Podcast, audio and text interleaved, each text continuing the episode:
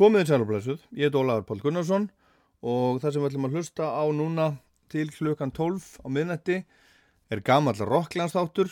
Við höfum verið að endurflytja gamla rocklandsþætti núna á þriðudaskvöldum í sumari til um 40 ára ammæli Rásar 2 og þátturinn sem við heyrum núna, hann er 10 eh, ára gammal, hann var, var útvarpað 28. júni 2013. Þáttur nummer 879. Góða skemmtur.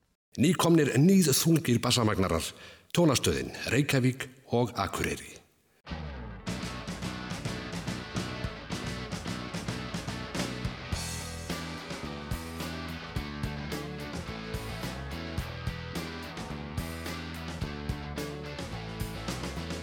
Komið þið sæl, ég heit Óláður Pál Gunnarsson og þetta er Rockland.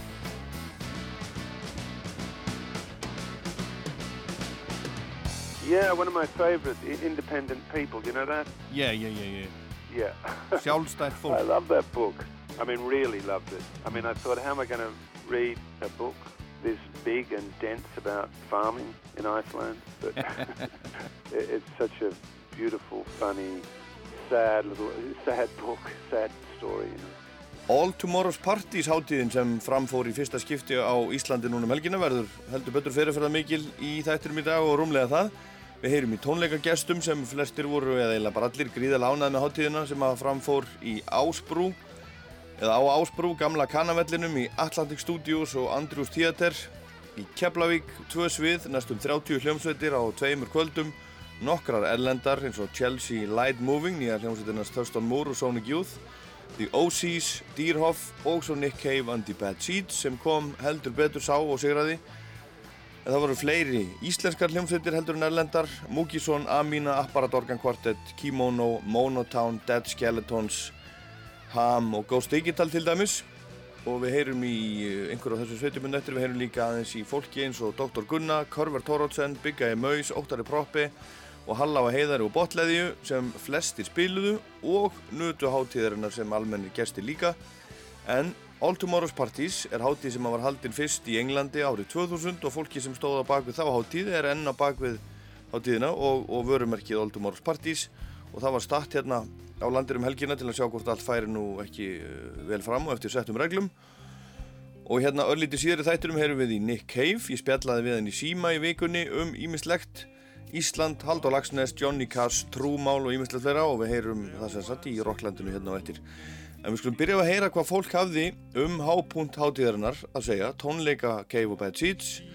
En Cave blessaður, hann dætt á tónleikunum í gerð. Það er eiginlega eina svona, eini skuggin sem hefur fallið á þessu hátíð. Hann, hann, hann dætt á tónleikunum strax í öðru lægi. Hann stóð á mjóum rampi sem var stóð út frá sviðinu og svona út á, út á pall sem hann var búið að, að búa til. Það var búið að búa til svona sérstatt system þannig að hann geti komist nær áhörvendum og hann var í brjáluðu stuði strax í öðru lægi þegar hann ætlaði að lappa til baka upp á sviðið hann út á rampin og upp á sviðið. Þá bara fjall hann framfyrir sig og hvarf hann hvarf bara. Hljómsveitin held áfram að spila lægi Jubilee Street sem var einn af hábúndum tónleikana en uh, í tæpa mínútu þá voru tónleikagestir uh, sömur sem að sáu þetta á milli vonar og ótt af hvort það myndi halda áfram með tónleikana eða, eða ekki. Ég var nú að fylgjast með en ég tók ekki eins og eftir þessu almenlega mér fannst henni svona bara hoppa niður. En hann datt sem sagt byrtist á sviðinu og letið svo ekkert að því skorist. En svo þegar live var búið þá saði hann að var hann ekki góð, nógu góð hugmynd þessi, þessi rampur og þar vantaði handrið og svo fór hann á slísafastofuna eftir tónleikana en hann kláraði tónleikana samt fyrst spilaði í rúma tvo tíma Þetta var bara rosalega, þetta er eiginlega bara ó, var svona ólýsanlega upplifun. Ég eiginlega get ekki skýrta, skýrta öðru sig. Eitt af glæsilegustu lögum allra tíma Stakarlí var hérna í alveg kingimagnar í útgáðu. Sko. Og, og, og, hérna, og maður sem er búin að, hvað, hann er búin að gefa út 15 blötur.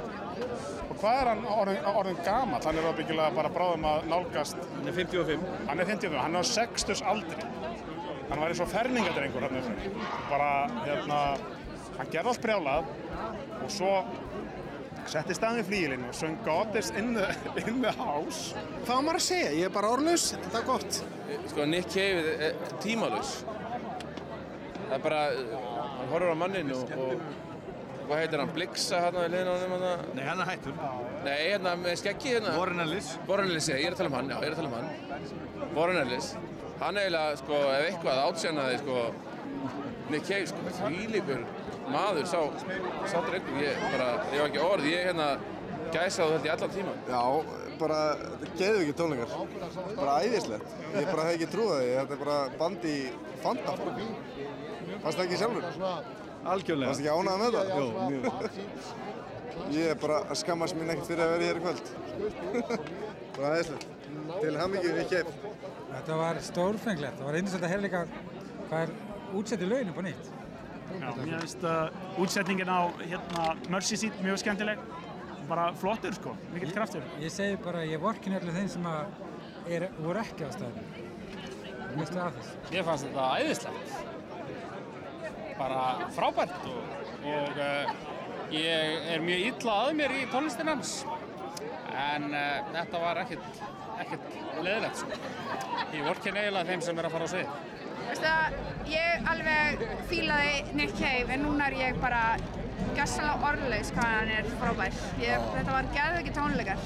Mikil upplifun að sjá hann. Þetta var bara upplifin, sko. Ég, ég er fan, bókstælega. Ég átti að segja live og núna er ég bara wow. Ég var mikill aðdándi fyrir, nú er ég ennþá meiri aðdándi. Þetta var svo, þetta var svo hérna að hlusta og sjá og veist hvernig hann er á sviðinu líka. Það gerði svo mikið. Það var bara, ég gæti ekki hægt að horfa á hann. það gerði svo mikið. Langar það að bjóða hann með þér heim? Bjóða hann í þitt? Já, já. Eitthvað svona? Já, já. Ég er alveg til í að fá hann heim.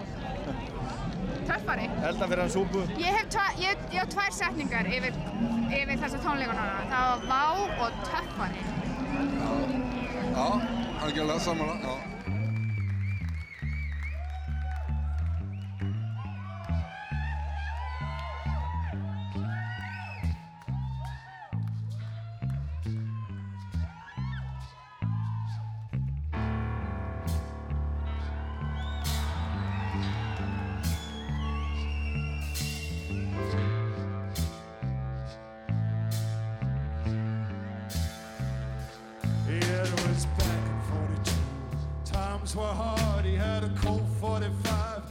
A staggerly.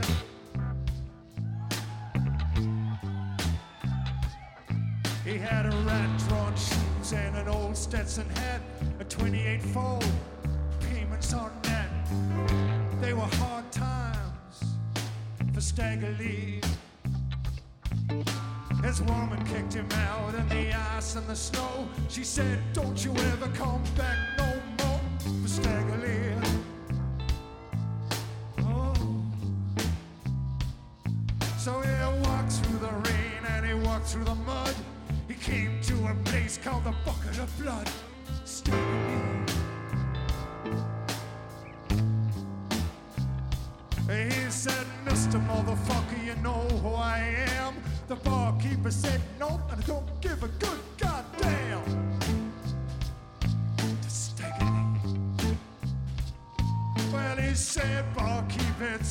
to see.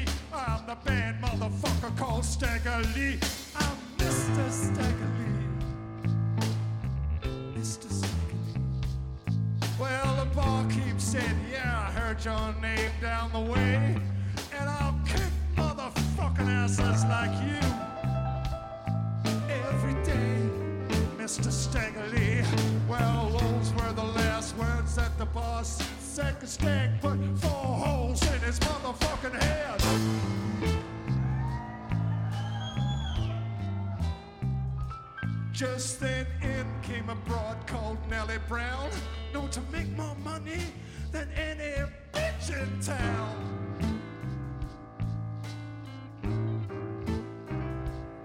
Well, she walks across the bar, hitching up her skirt over the Staggerly man. She's starting to flirt. She's starting to hurt for the great Staggerly. Well, she sees the barkeep said, Oh God, he can't dead.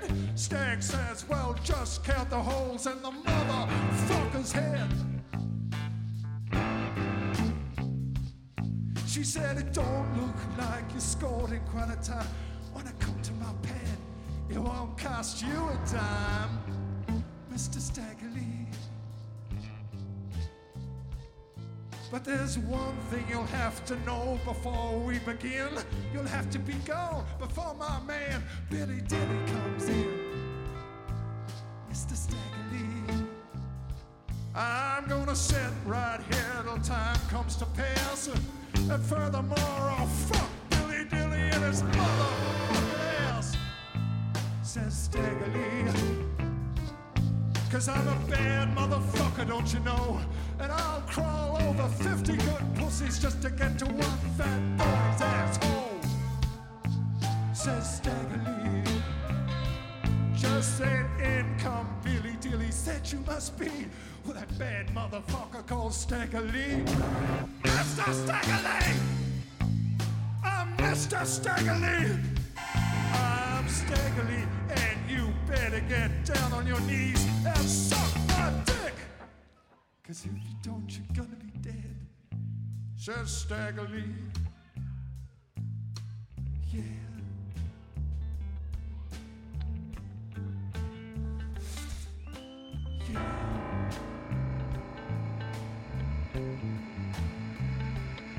So Billy Dilly kneels down and slobbers on his head. Stag fills him full of lead.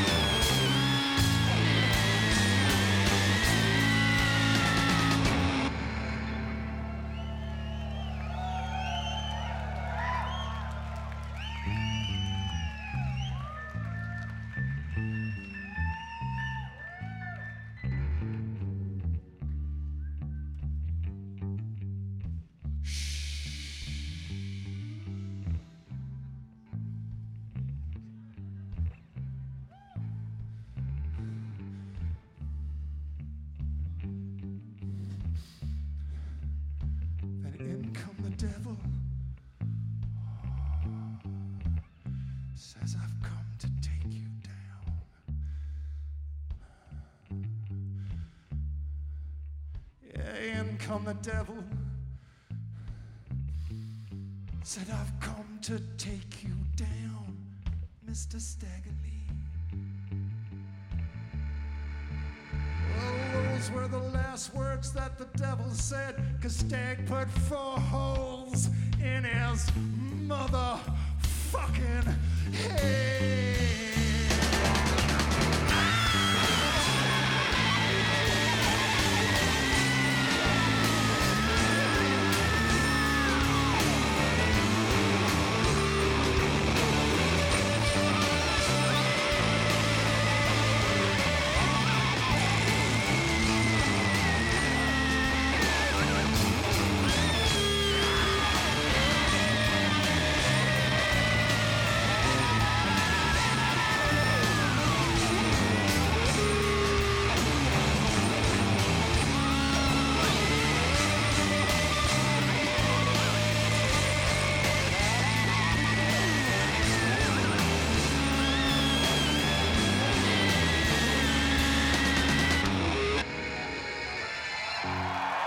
Thank you and good night, Berlin.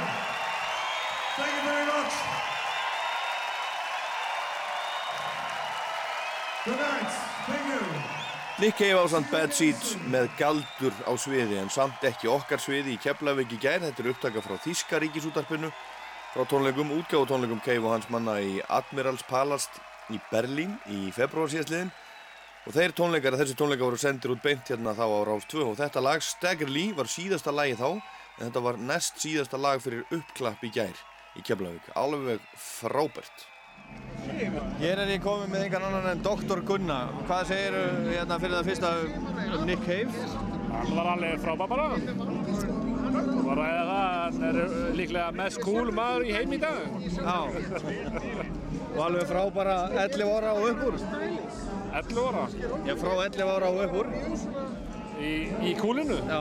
Já, já. Þú meina það? Já, já. Það er nú enn von, sko. Ég er nú bælið að fara að svelta mig í svona ár og köpa mér svört jakkafrönd og safna hári, lita svart og sjá, sjá hvað skeður. Sjá hvað gerir, já. Já, en tónleikandi svona... Þeir voru bara magnaðir, sko. Ég hef reyndar sleppt þessum Jésu lögum hann í miðunni, sko. Ég hef Nick Cave. En hann verður að fá... Þú ert ekki Cave? Nei, ég er ekki Cave, sko. Hann verður að fá að lofsyngja sinn, guð í friði, sko. Já, en er hann að því? Er hann ekki bara, er hann ekki bara hann að segja sögur? Jó, kannski, ég veit ekki. Það er eitthvað svona Jésu, Jésu, svona að spila piano. Já, God is in the house. Já, já. En hann söng líka með Elvis, sko. Trupello. Akkurat. Og bróður hans, stóra bróður. Og stóra bróður, já, já. Þetta var flott maður. En hvernig, svona þessi hátíð, hvernig leggst þú niður? Þú varst nú með, með hérna, hérna, poppunkt í dag. Já, já, það gekk bara vel. Já, hver vann? Það voru einhverjir, það voru tvö lið sem voru jöfn. Já.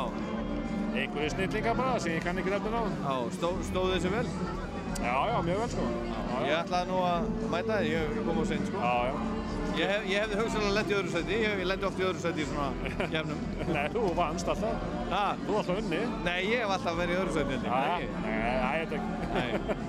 Nei, en svona... En, Já, en ég, hátíðin ég yfir vona, vona bara að þessi hátíð sem kom til að vera, sko. Er, ég meina, fólk sér það núna, það getur skroppi hérna, þetta er ekki langt að fara. Nei, nei. 20-30 mínútur. Og líka gaman, þetta er svona svolítið eins og að fara á sveitaball. Já, já, með eintómi menningarvinnum. Já, það er, það er sko það sem að ég, ef maður horfir, maður horfir hérna yfir hópinn sko, þá, þá sér maður að það er svona, það er ekki mikið af svona fólki kringu tvítu, þetta er meira svona kannski þrítugt og, og þar fyrir ofan. Já, já, já. En kannski að hinni sem eru yngri eru ekki búin að, að fatta þetta. Það, það, það er, Ég það er voru næsta þeir ár. ekki bara á KMF hann um daginn?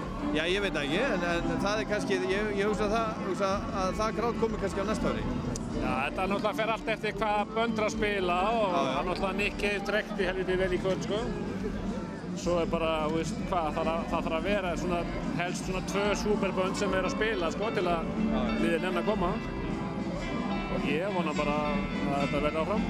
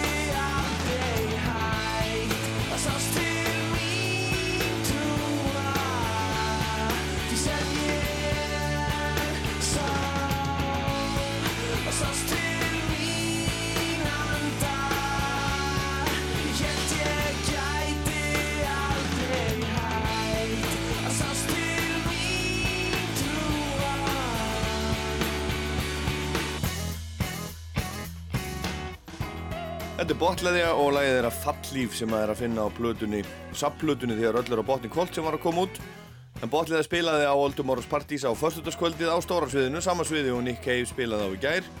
Og þeir voru stór skemmtilegi strákanir, mjög góðir, stóðu sem vel og einn af hábúndunni hjá þeim var þegar Andri Freyr Viðarsson, okkar maður, Rása 2 maður, stegi á svið með þeim og tók eitt lag og Kristinn Gunnar Blöndal var með þeim í því lagi líka. En þeir voru báðir liðsmenn botleðju um tíma. Og svo hitti ég þá Halla og Heiðar botleðumenn í gær. Hvernig líst ykkur á þetta festival? Eh, þetta er algjörlega stórkostlegt, ég verði að segja það og það er rosalega vel haldið utanum þetta og hérna bara, bara við getum verið stoltaði að fá þetta hinga til lands. Við spilum á Old Tomorrow's Parties í Englandi hvernig 2003. 2003. Þá var Shellac að hosta eitt kvöld og bauð okkur að, að vera með sko og bara góðu fílingur og hérna þetta er, þetta er snýst um músíkin, ekkert annað og það er frábært. Bara indislegt. Já. Ég, hérna, það er greinilegt sko að hér er fólk að halda um umgjörðina, þetta eru atvinnumenn sko, sem að við, við vitum hvað er að gera. Það er gert Þetta er allt svo áður, vel sko. gert og hafa gert þetta nokkuð sem áður. Þetta er bara indislegt. Tónlistin í fyrsta seti. Og haldið að þetta sé, sé komið til að vera?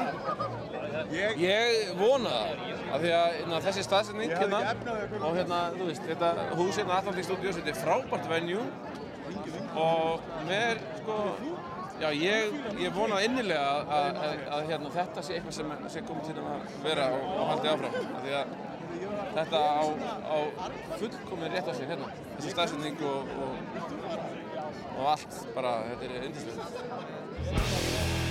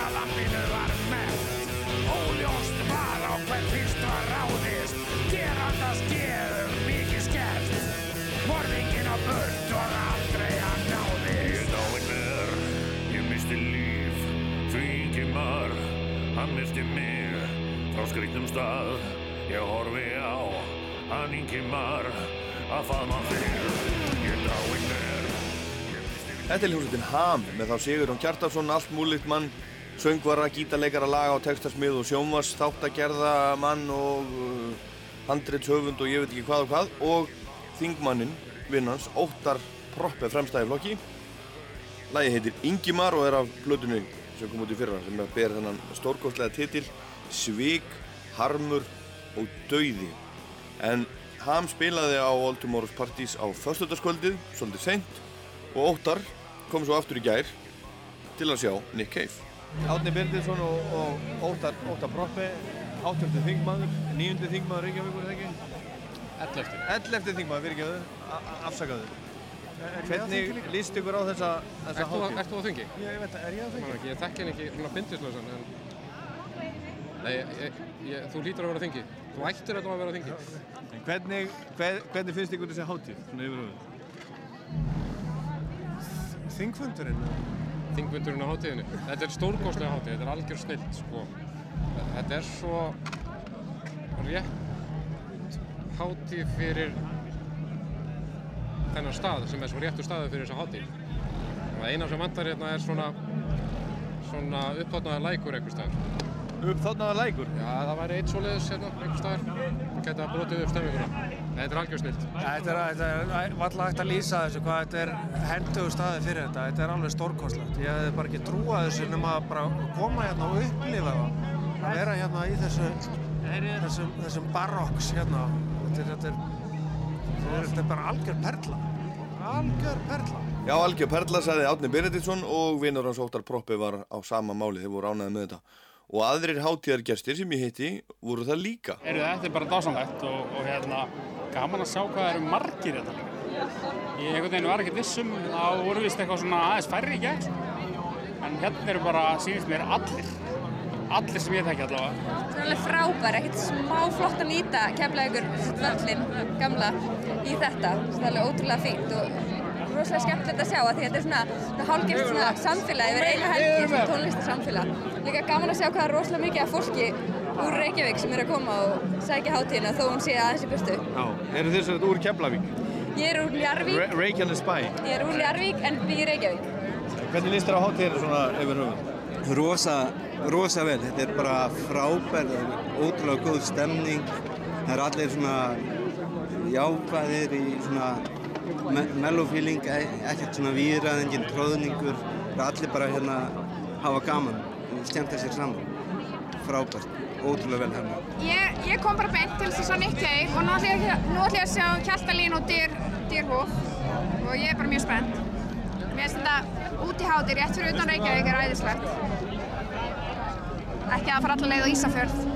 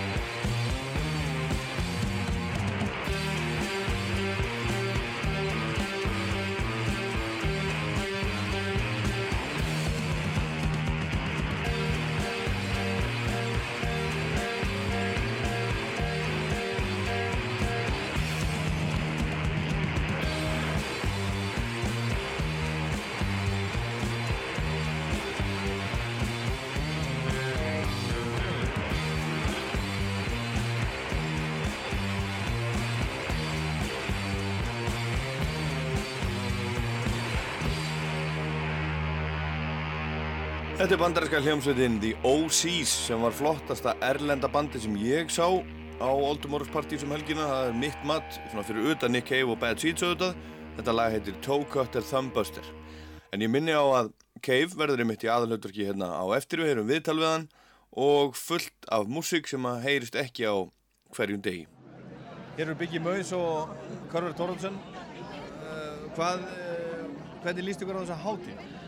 Sko, ég verði að segja, ég var hérna í gæri að spila og er núna sem óbrettur hérna, áhörandi og þetta er bara frábær hátíð. Ég finnst þetta alla stað hafa gengið mjög vel upp. Þetta er í þessum All Tomorrow's Parties anda.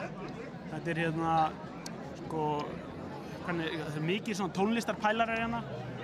Sá það var mjög gott krát hérna í gær af fólkgeimitt sem var svona mikið að pæla í tónlistum, mikið útlendingi sem hefur komið og gistir hérna í húsum.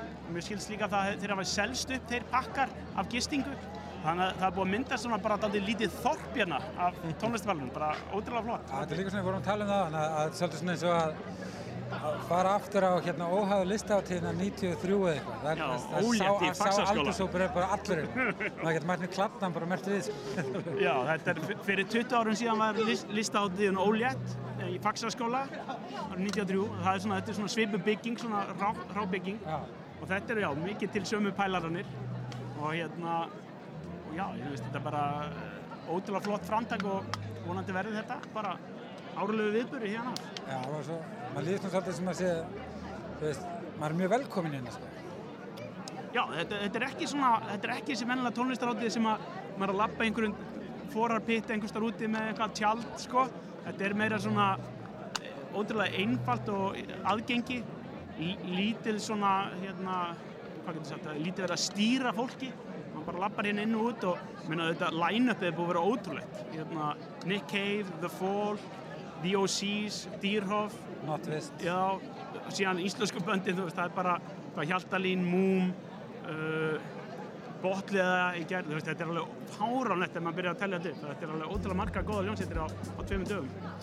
Það vantar bara maus. Já.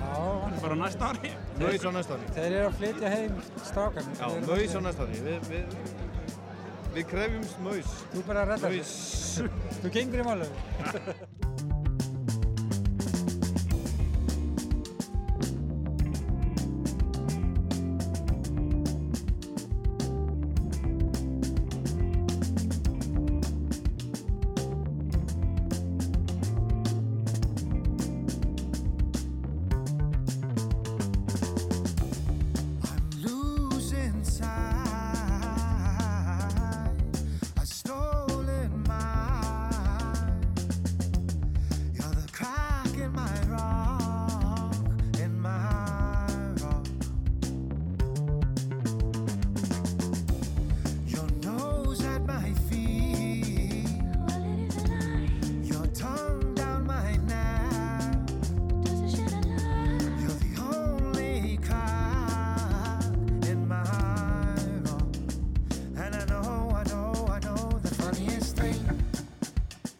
by the end you'll never ever know what I want.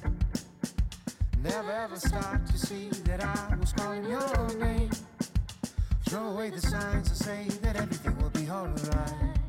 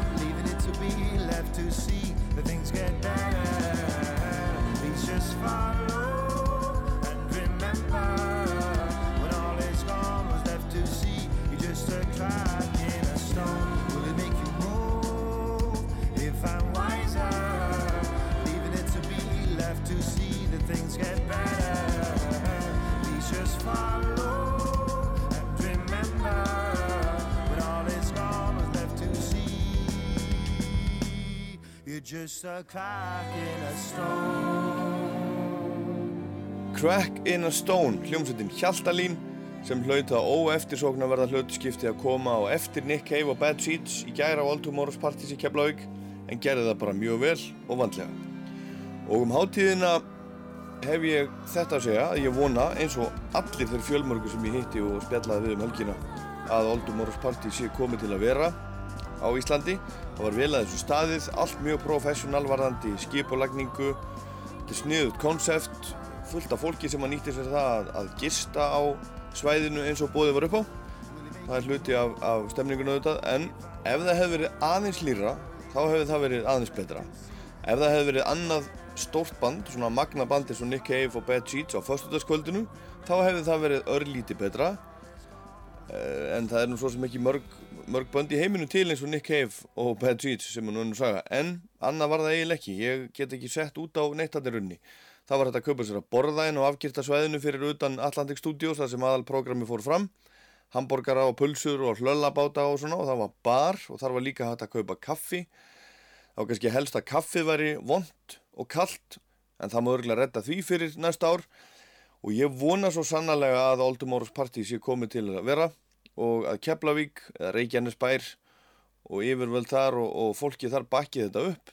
Þetta er glæsileg alþjóðleg tónlistarháttíð sem hefur verið skrifað um nú þegar viða um heiminn og það var slatti af erlendu bladamennum á hátíðinni þannig að það voru glettur að koma eitthvað meira. Þetta var bara til fyrirmyndar. En þá er komið að Nick Cave sem spilaði þarna í gær á gamla kanavellinum í Keflavík og það var reynd útsagt geðveikt.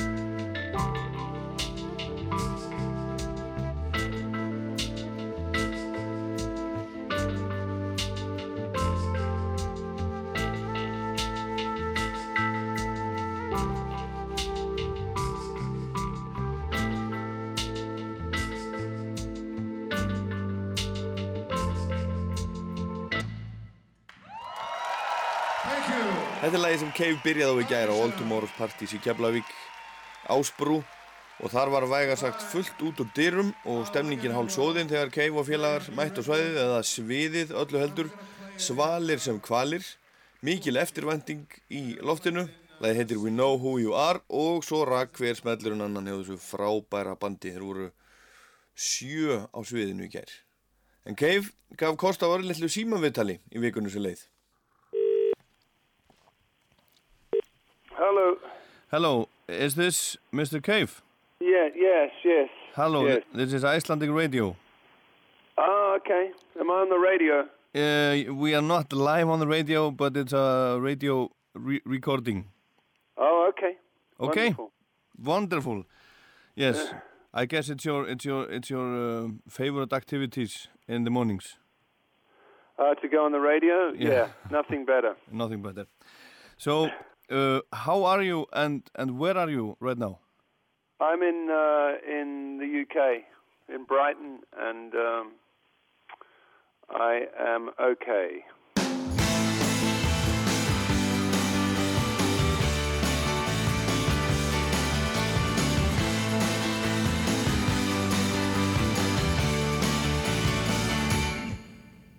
I was just a boy when I sat down to watch the news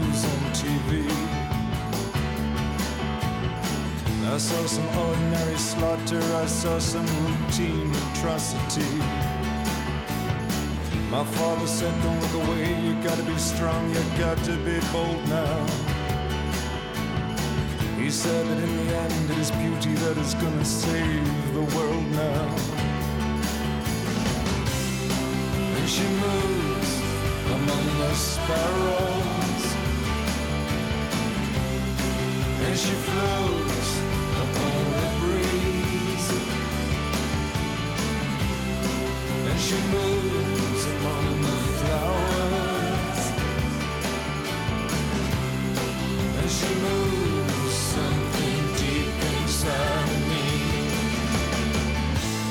walking around the flower show like a leper coming down with some kind of nervous hysteria. I saw you standing there, green eyes, black hair, up against the pink and purple hysteria. You said, hey nature boy, you're looking at me with some unrighteous intention. My knees went weak, I couldn't speak, I was having thoughts that were not in my best interest to mention. As you moves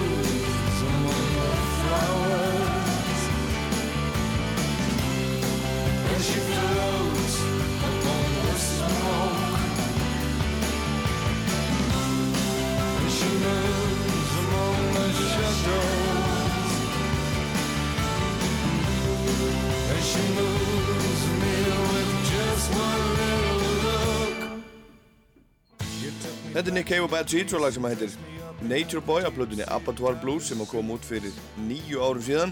Og það var ekkert svona pop þarna á tónleikunum í gær í Keflavík. Og hann spilaði þetta ekki. En hann sagðist þér alveg þokkalegur þegar ég ringdi í hann þetta daginn. Sagði að það væri mitt í miklu uppáhaldi hjá sér að tala í útvarpið á mótnana sem er auðvitað ekki satt en hann var bara kurteis og almennilegur og skemmtilegur og sagðist vera ok You were coming to Iceland now to uh, to play an old naval base. Is it your first naval base that you that you play on? Uh, yeah, definitely the first naval base we played. Sounds very Spinal Tap. yes. and and uh, it will be maybe a bit uh, a bit smaller crowd that, than you have been playing to on your on on this tour at least. Don't- Yeah, I mean we've been playing to to pretty big crowds in general lately, but um, smaller crowds are better, always. For me, I, I for me I just feel our concerts are about some kind of intimacy, and um, there's some bands that can kind of do the big crowds well, but the the, the, the Bad Seeds have always been about being uh, you know, it's a, a, a very much kind of one one-on-one relationship with the audience, you know. Uh-huh. It, it's good to hear. So I'm I'm happy for smaller crowds, to be honest. Fantastic news. And does it mean anything for you to be playing this this All Tomorrow's Parties Festival? Is, is that something something special for you? Yeah, we know the guys who, who run it very well, and uh, we've done we've done a, a, a lot of things with with these people, and they just do these amazing concerts, you know, in in unique places. Uh-huh. We we did a uh, we curated an ATP festival in 2009 uh, in in in a kind of penal colony, a prison a, a prison island on uh, in Sydney. Okay. Um, you know, they do very interesting uh, kinds of concerts, unique, once in a lifetime shows. Yeah.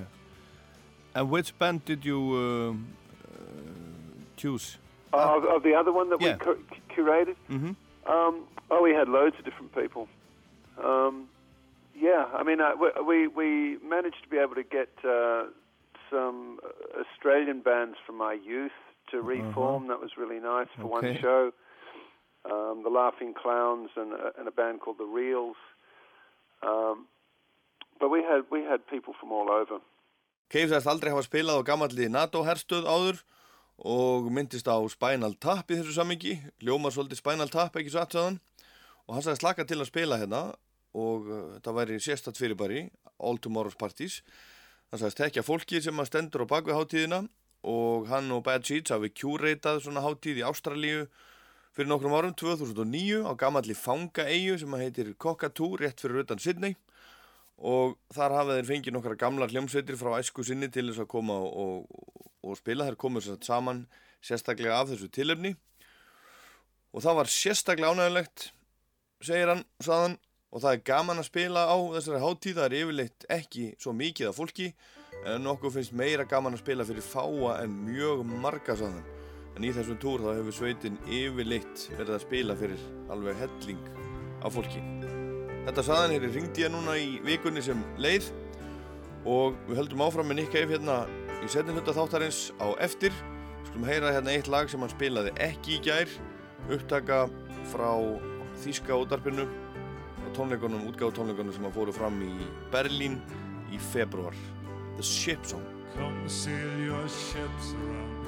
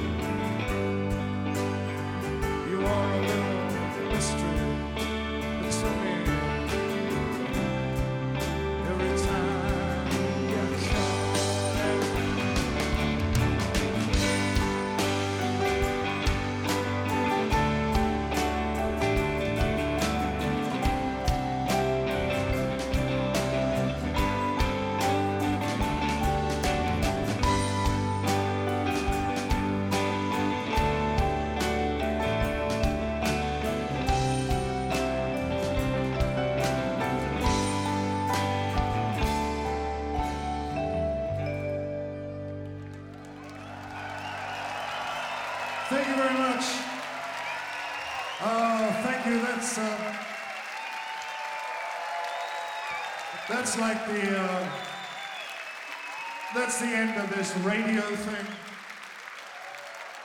So maybe you make a bit of noise.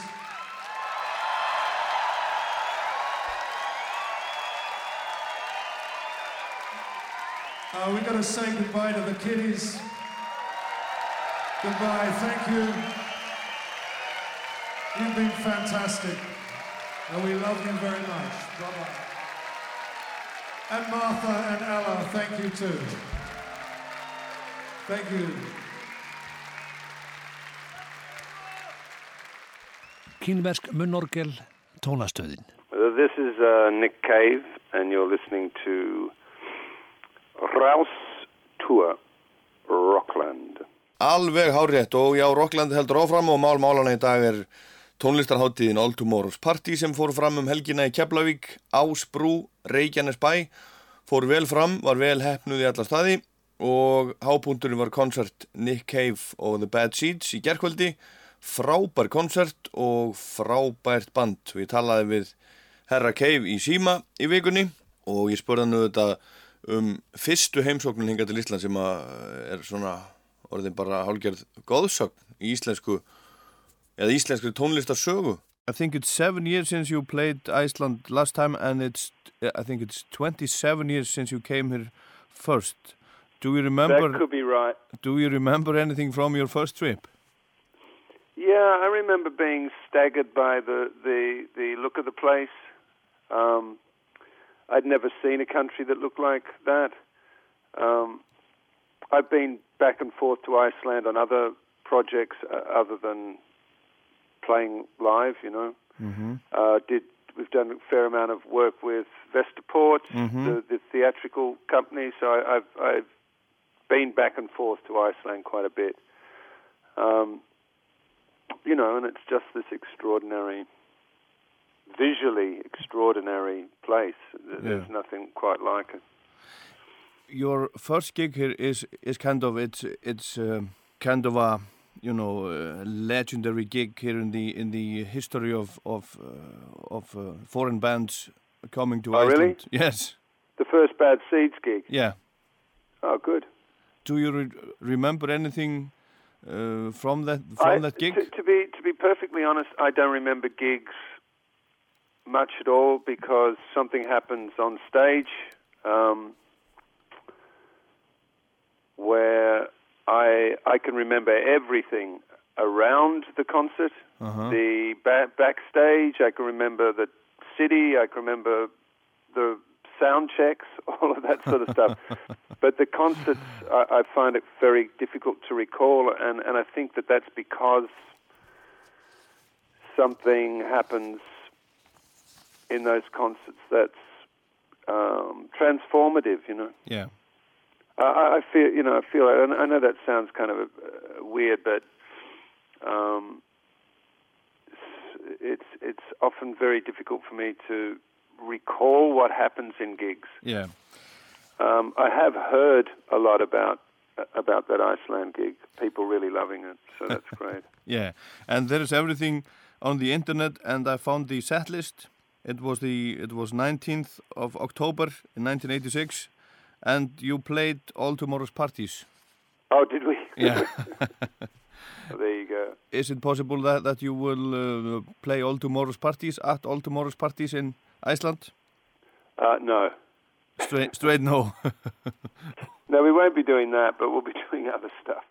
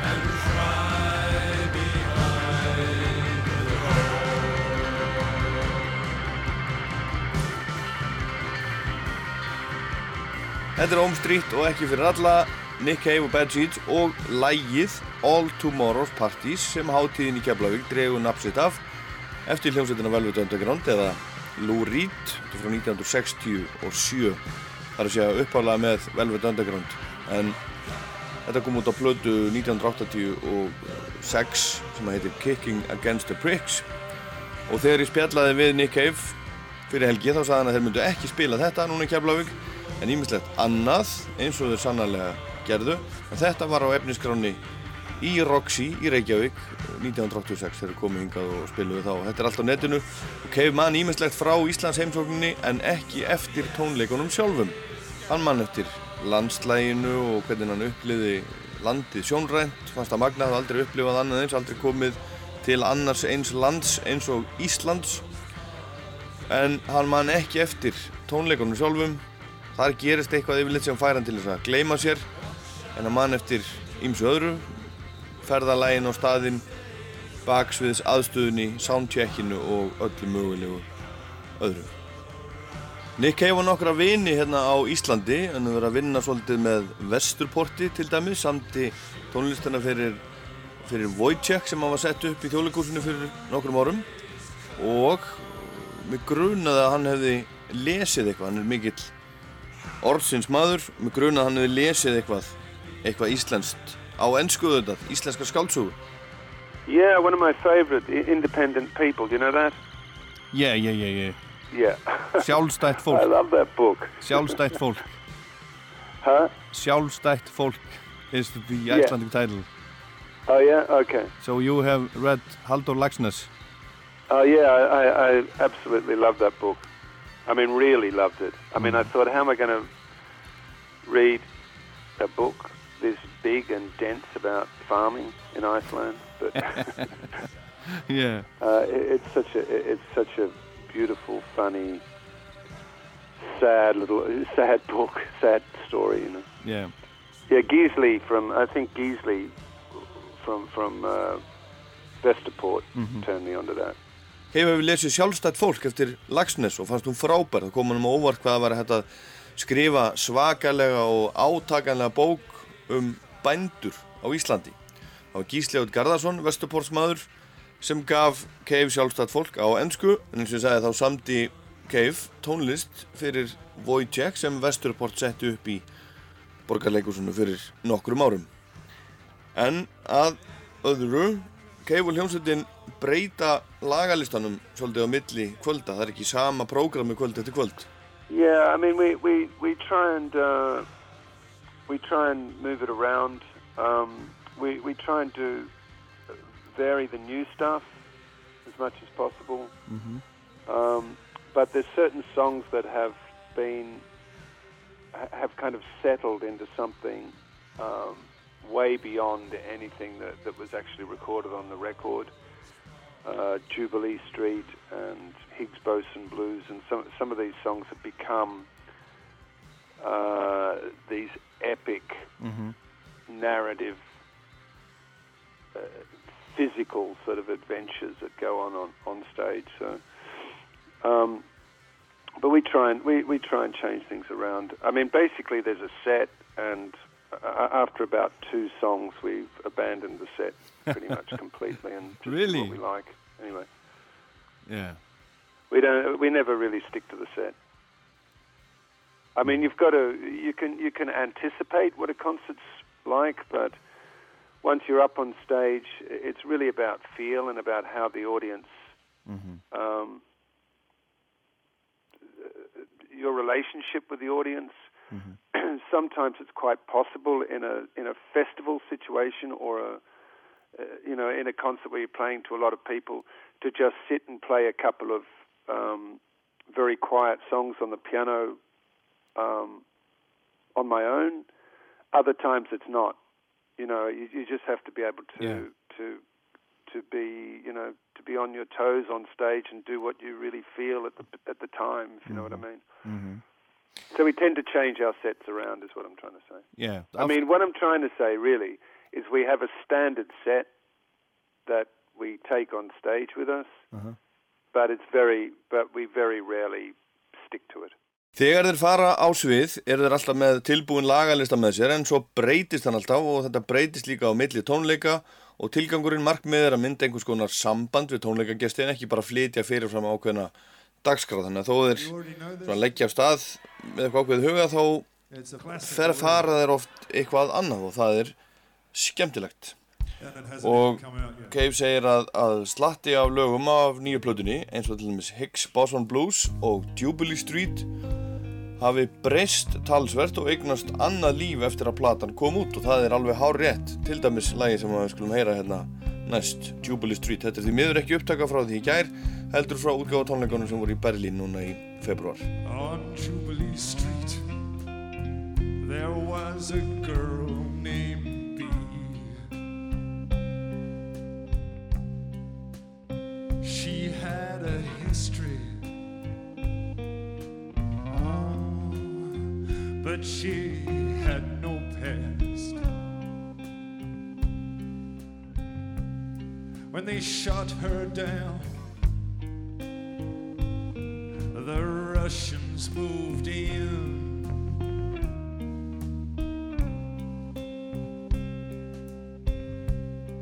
Now I'm too scared. I'm too scared to even walk on past. She used to say, all those good people down on Jubilee Street, they ought to practice what they preach. Oh, yeah. They ought to practice just what they preach on Jubilee Street. But here I come up the hill. I'm pushing my wheel of love. I got love in my tummy and a tiny little pain and a 10 ton catastrophe on a 60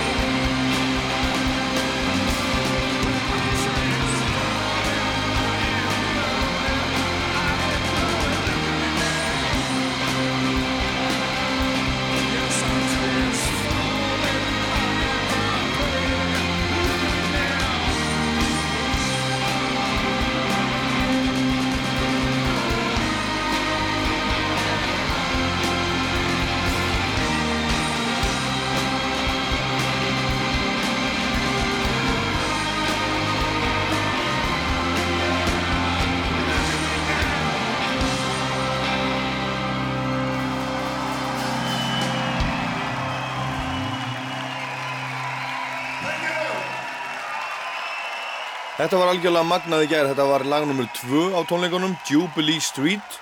Þetta er upptaka frá útgáð tónleikunum í Berlín, februar, svo það fari ekkert á milli mála, þetta er ekki sem sagt upptaka síðan í, í gær.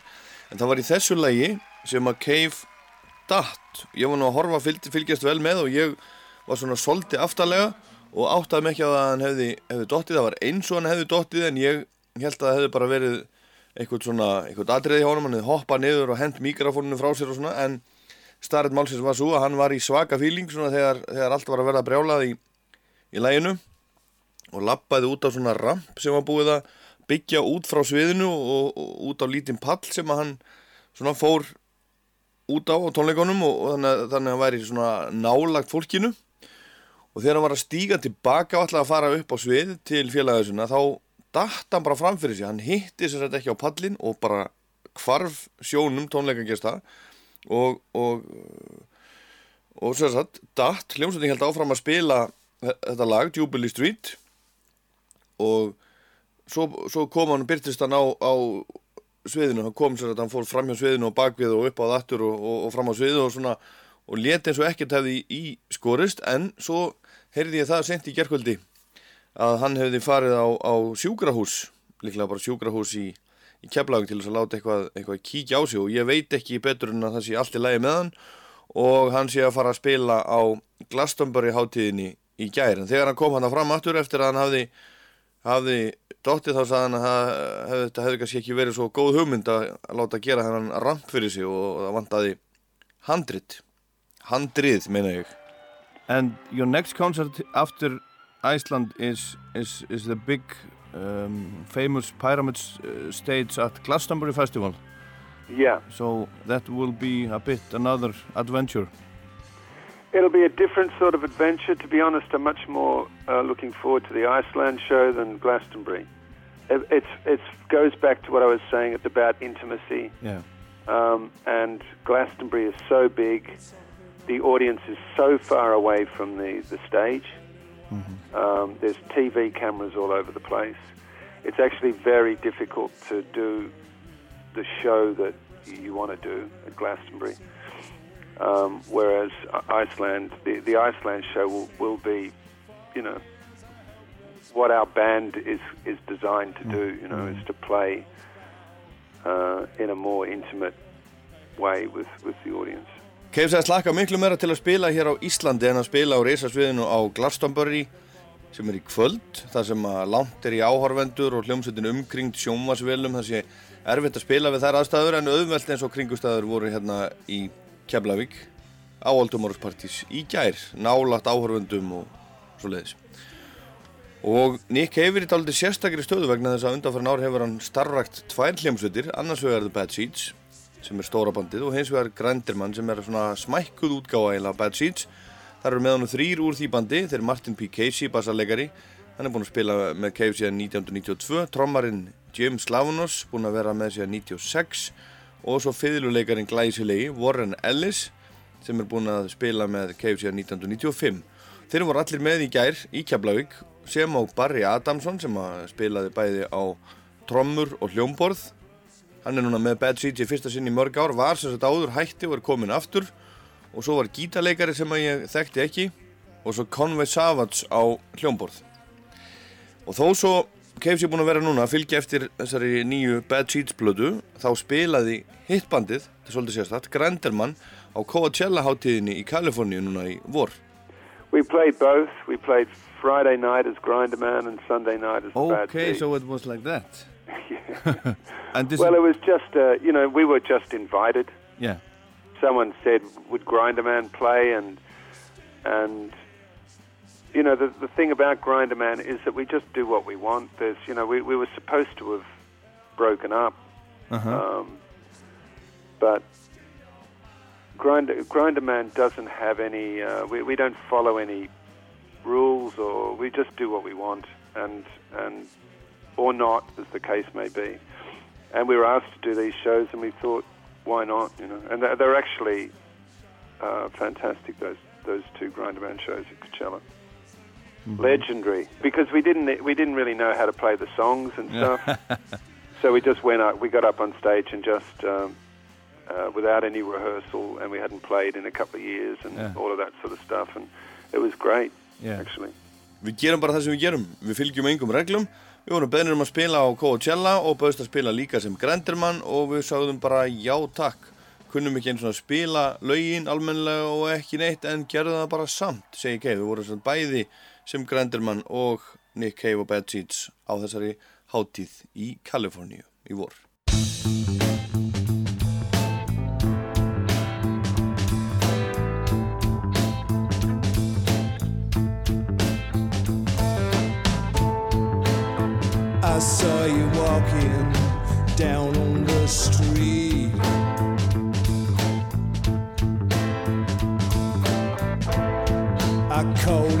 my window, but you didn't hear me.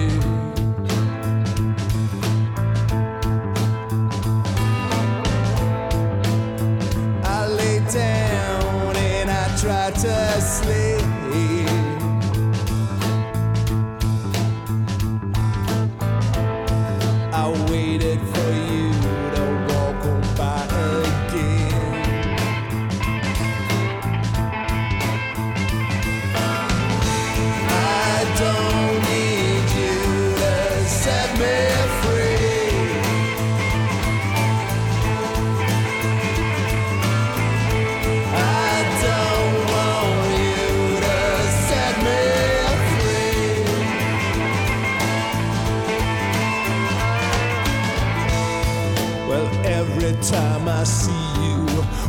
I get sick.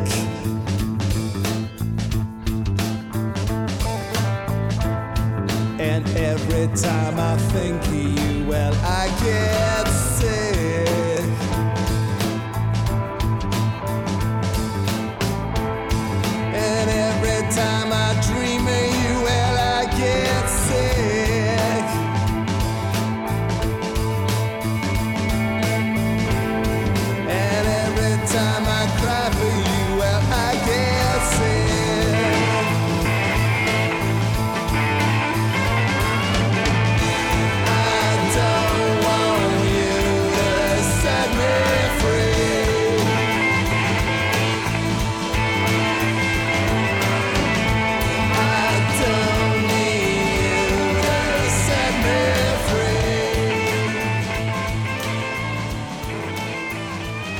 er nú eiginlega næstu því ómögulegt að, að heyra hvað er hvað að þessu, hvað er Granderman og hvað er Nick Cave og, og, og Bad Seeds og ég trúi því nú að þetta er nú að renna kannski svolítið saman bara setna meir.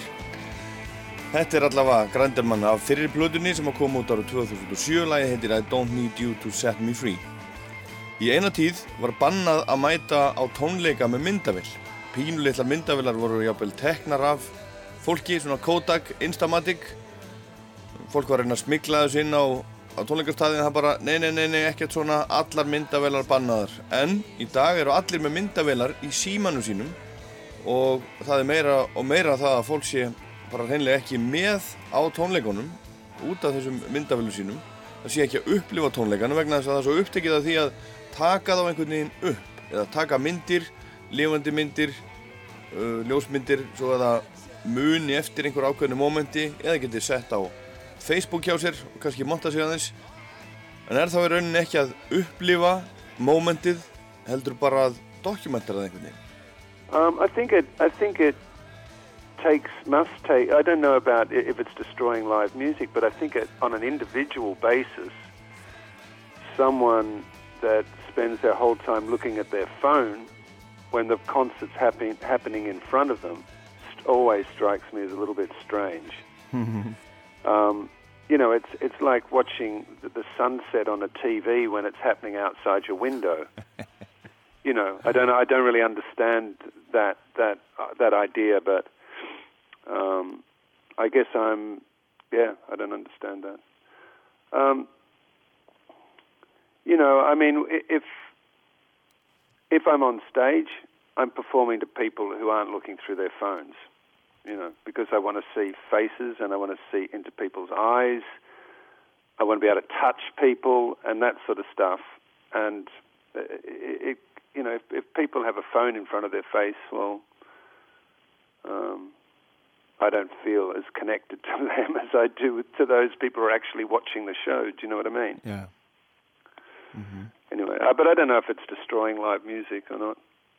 It's actually there's some beautiful moments being caught on those phones by people. So it's... I don't know. Cave segist ekki vita hvort þessi tiltölulega nýja hegðun fólk sé að skemma tónleika svona almennt, skemma lifandi músík, en þegar fólk horfir á tónleika í gegnum síman sinn, þá er það svolítið eins og að horfa á sólalægið í sjónvarpinu sínu í staðis að horfa á það bara út um gluggan. En svo má ekki gleyma því, segir hann, að sumt af því sem að ratar á netið úr þessum snjall símum eru falleg moment. Og það er nú kannski ekki fallegt momenti sem að er hægt að sjá inn á mbl.is af Cave í Keflavík í gær þegar hann dettur niður á sviðinu. I'll hold this letter in my hand, a plea, a petition, a kind of prayer. Hope it does as I have planned. Losing her again is more than I can bear. Kiss the cold white envelope. I press my lips against her name. Two hundred words we live in hope. The sky hangs heavy with rain. Love letter, love letter.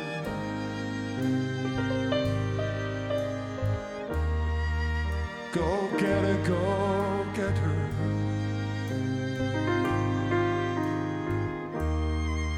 Love letter,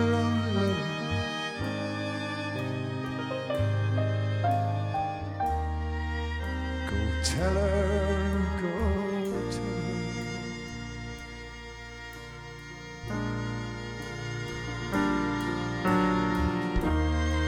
The wicked wind whips up the hill. It's a handful of hopeful words. I love her, and I always will. The sky is ready to burst. Said something I did not mean to say. Said something I did not mean to say. Said something I did not mean to say. It all come out the wrong way. Ah, la la la la.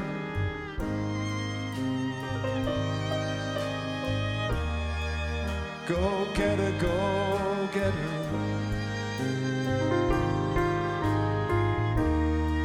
Love letter, love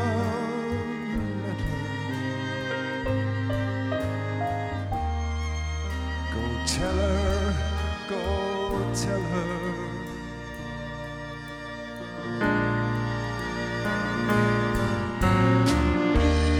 Rain your kisses down on me. Rain your kisses down in storms, and for all who come before me in your slowly fading forms. I'm going out of my. Will leave me standing in the rain with a letter and a prayer. Whispered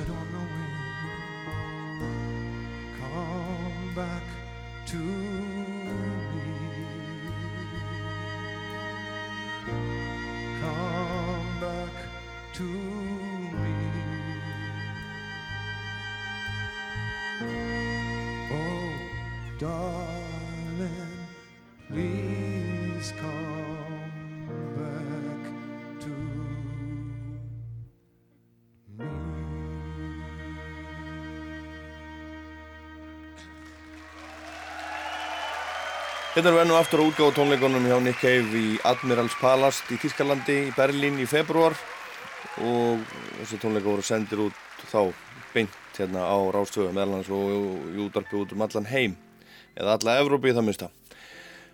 En þá er það trúmálin. Það er alltaf undirleikjandi svona einhvers konar trúarlegur tón í tónlist Nick Cave. Hann teiknar svona trúarlega myndir og vittnar í biblíuna vilt og galið en er hann raunverulega trúaður?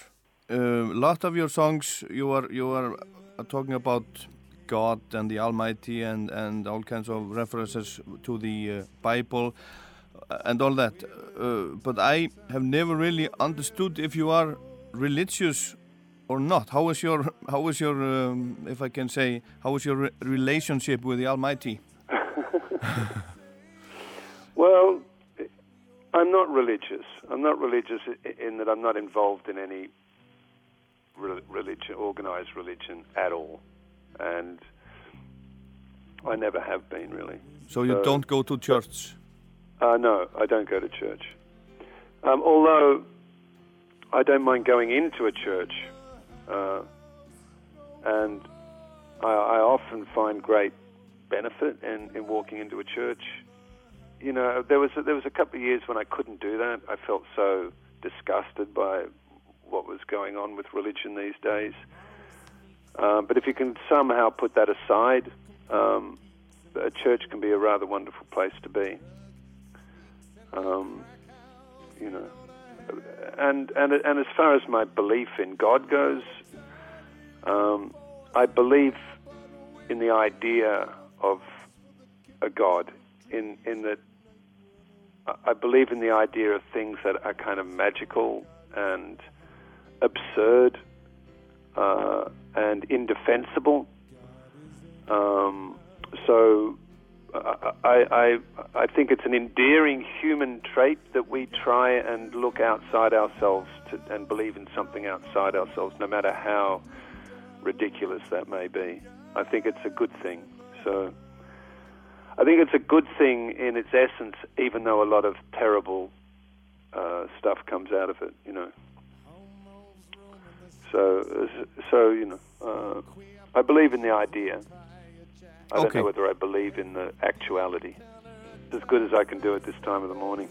Í stöttum máli sagt, Cave segist ekki vera trúaður. Það er að segja, hann aðhyllist ekki neinn skipulög trúarbrögð, fyrir ekki í kirkju til dæmis. Hann segist hafa haft hálfgerða anstigð á kirkjunni hérna áður fyrr og því sem að kirkjan stóð fyrir og það sem að kirkjan var að, var að gera bara brjóta á skjólstæðingu sínum í sömu tilfellum.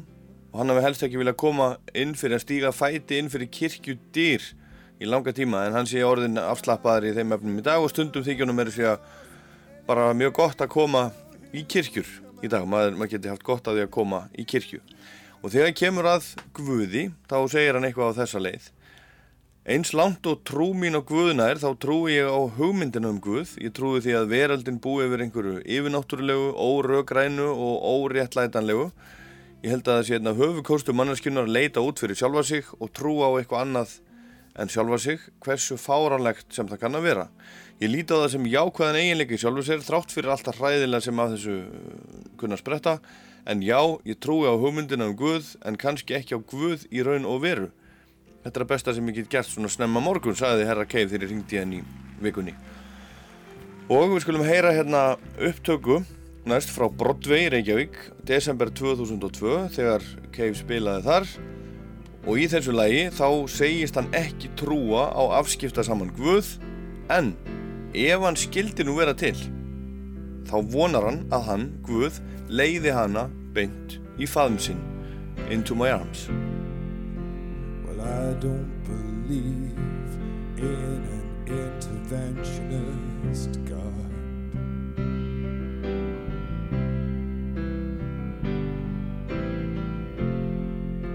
But I know, darling, well, that you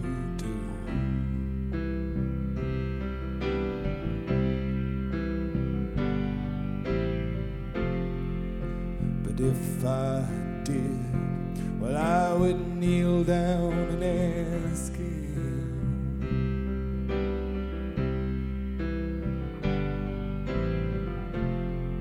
Not to intervene when it came to you. Well, not to touch a hair in your head, leave you as you are. If he felt he had to direct you, then direct you into my arms. Into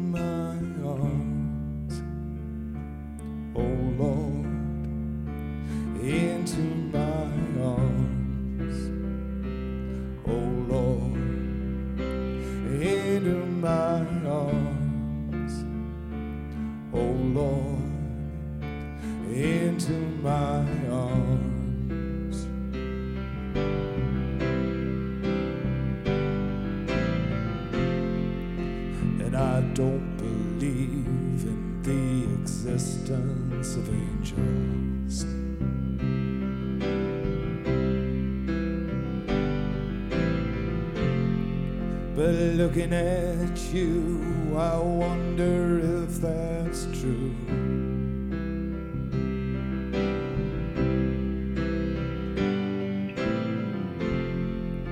But if I did, I would summon them together.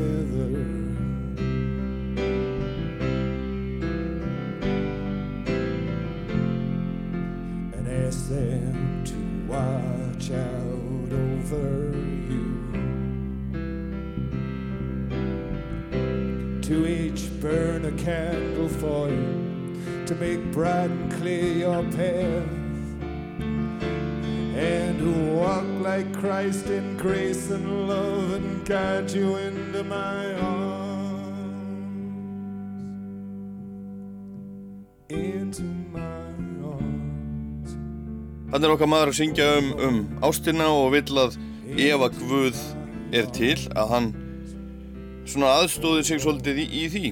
Leiði dísina drauma til sín Into My Arms, þetta er upptaka frá tónleikunum á Broadway fyrir áratug, það er mér að segja 11 ár síðan þetta var, ótrúlegt en satt. En þegar ég spjallaði við Cave í síma núna í vikunum sem leið þá töluðum við aðeins líka um herra Johnny Cass Interpret signs and catalog. A blackened tooth, a scarlet fog. The walls are bad, black bottom kind. They are the sick breath at my hind. They are the sick breath at my hind. They are the sick breath at my hind. They are the sick breath gathering at my hind. I hear stories from the chamber. Christ was born into a manger, like some ragged stranger died upon the cross. And might I say, it seems so fitting in its way. He was a carpenter by trade, or at least that's what I'm told.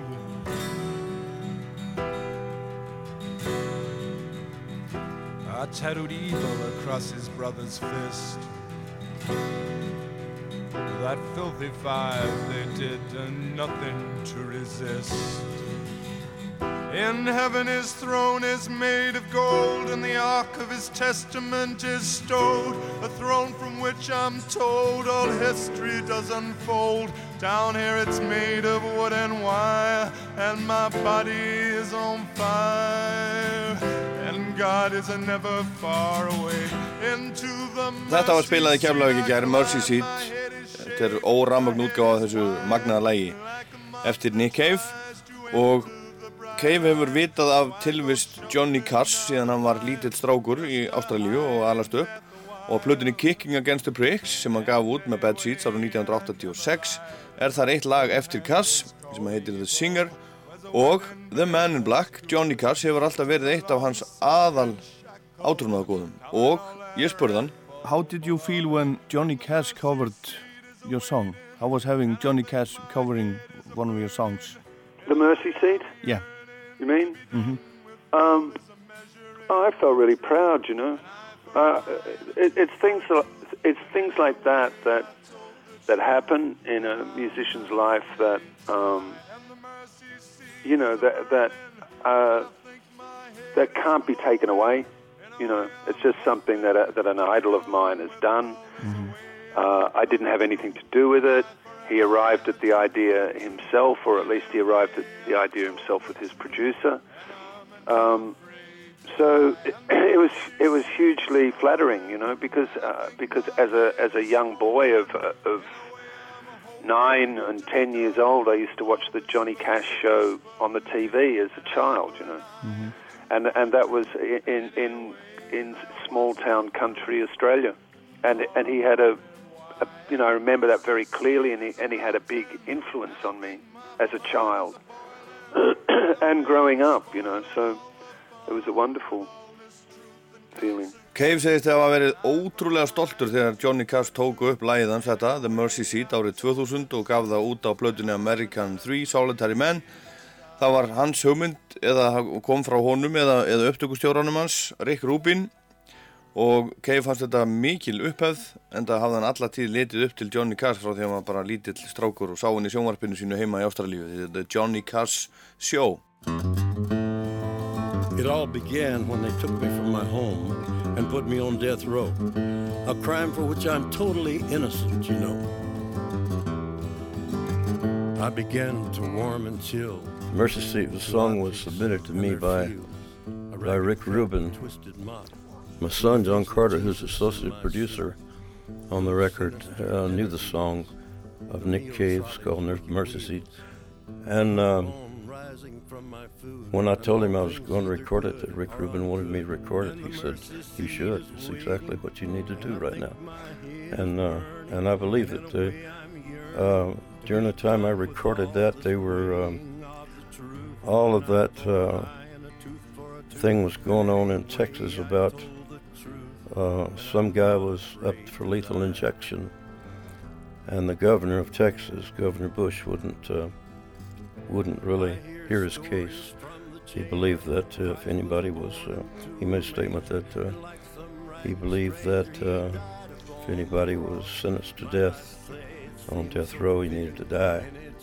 And uh, uh, you know, I thought about all the other things that coming along now, DNA proof testing. But anyway, during that time, all that hassle was going on. I was all wrapped up in doing the mercy seats, and there was a lot of, a lot of anger there, in that too. When I was recording that song, um, and I didn't really know where to strike out. If I should strike out at the government or, or Texas or what, you know. But uh, I thought, what a horrible thing it is that, uh, that we have to kill our own, you know. Even the elephants don't do that. Uh, we have to kill our own in order to stop the killing. It's a terrible thing. I don't know what the answer is, but it's a terrible thing. Just to hide in death a while. And anyway, I never lied. And the mercy seat is waiting.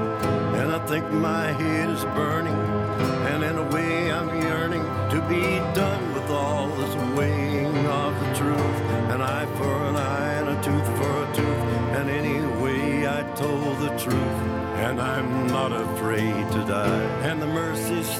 Magnalag eftir Nick Cave sungi hérna af Johnny Cass og hann var hérna áðan að segja, segja frá því að það var Rick Rubin sem að stakka upp á þessu lægi og hann stutti það sonur hans sem er líka upptökustjóri og, og tónlistamæður og það er verið að fjalla þarna auðvitað um aftöku, ramastólinn og á þessum tíma þegar hann var að taka þetta upp þá var mikil umræða í bandarækjunum með akkurat um döðarefsingar eins og, eins og svo oft er og, og Cass sagði að það það væri sorglegt að maðurinn skildi haga sér þannig að hann dræpi sína eigin tegund. Það var ekki dýr sem er unni gerði það ekki, ekki fílarnir og já það fæst dýr gera það og, og það þurfti að vera að, að gjalda í sömu mynd.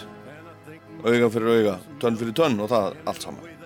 And then uh, you sang at least I have two recordings of you together. You, uh, did you re record them together or, or did you do it separately?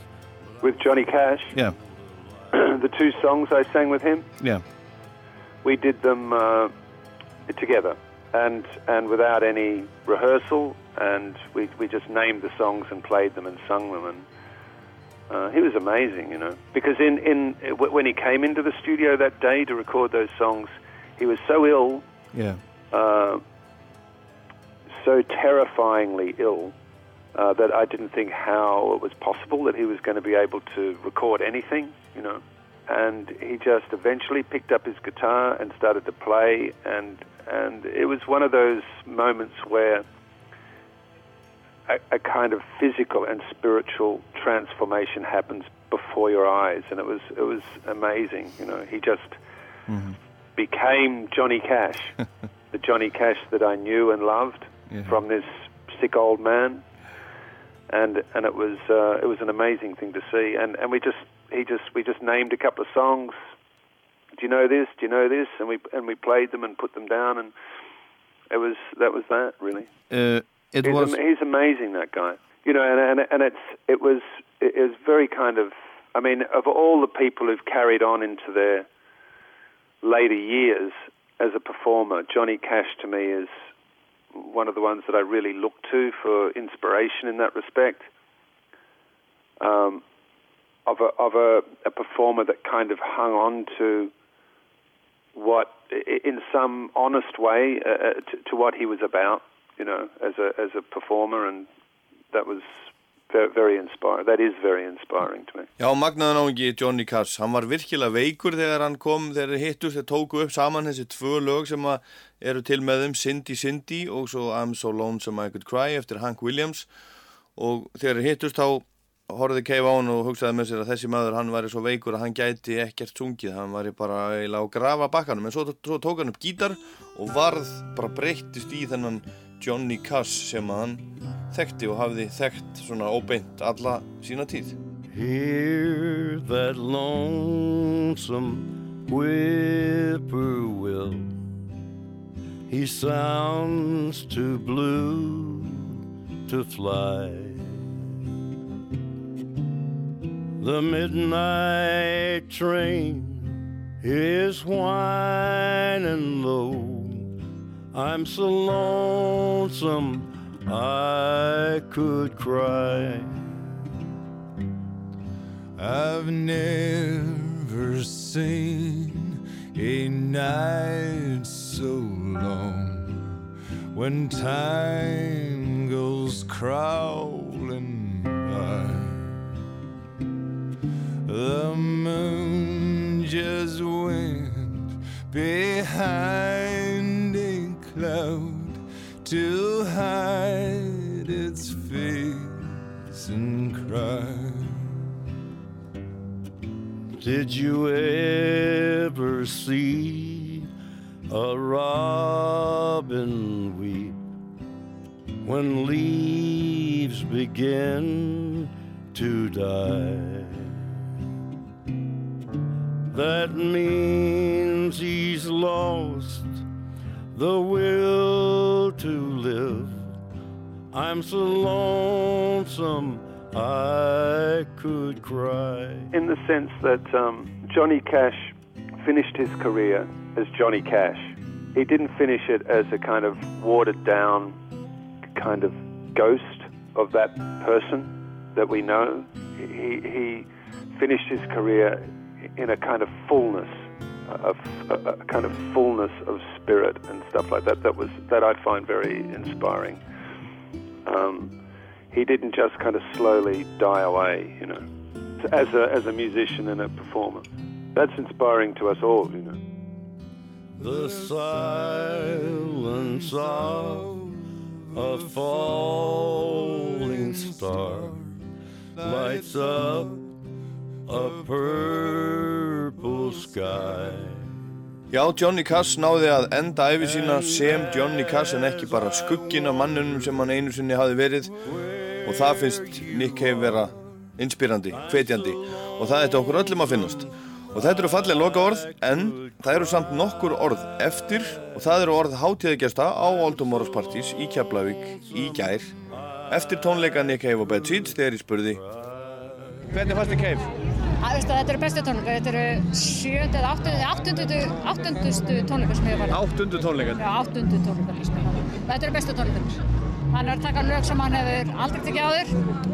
E, Víbingsson sem hann sagði í London að koldi geta lag, tækið það ekki. Það er mjög ánægð að heyra það.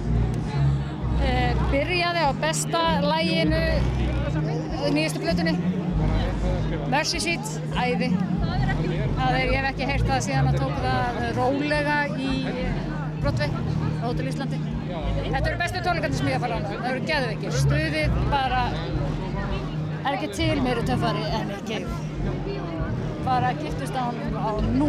Sko, ég samryggist honum aðeins, ég heyri það að hann sé hættur að, að þú veist, ég finn það á, á þessu performance að hann er hættur að reykja. Ég hætti sjálfur að reykja fyrir viku síðan og það er einhver svona skýrleik í þessu sem ég kann ekki að metta.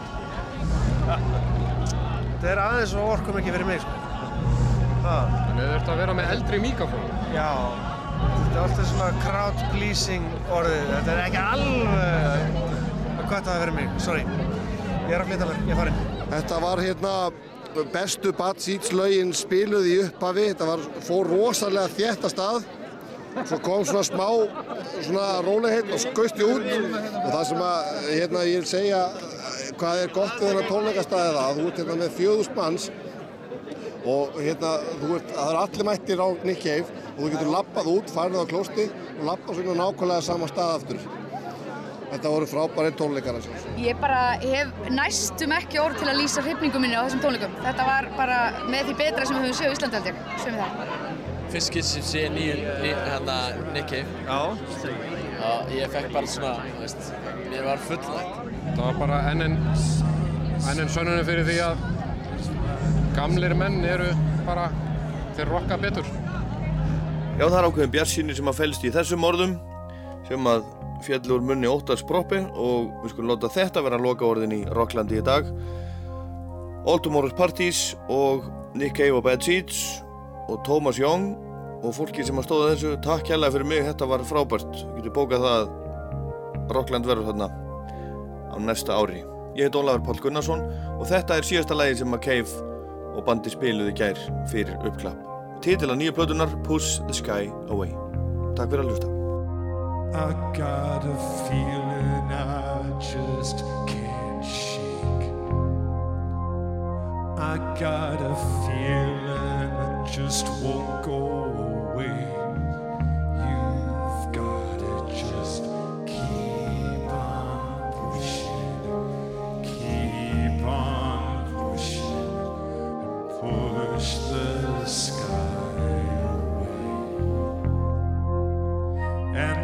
your friends think that you should do it different, and if your friends think you should do it the same,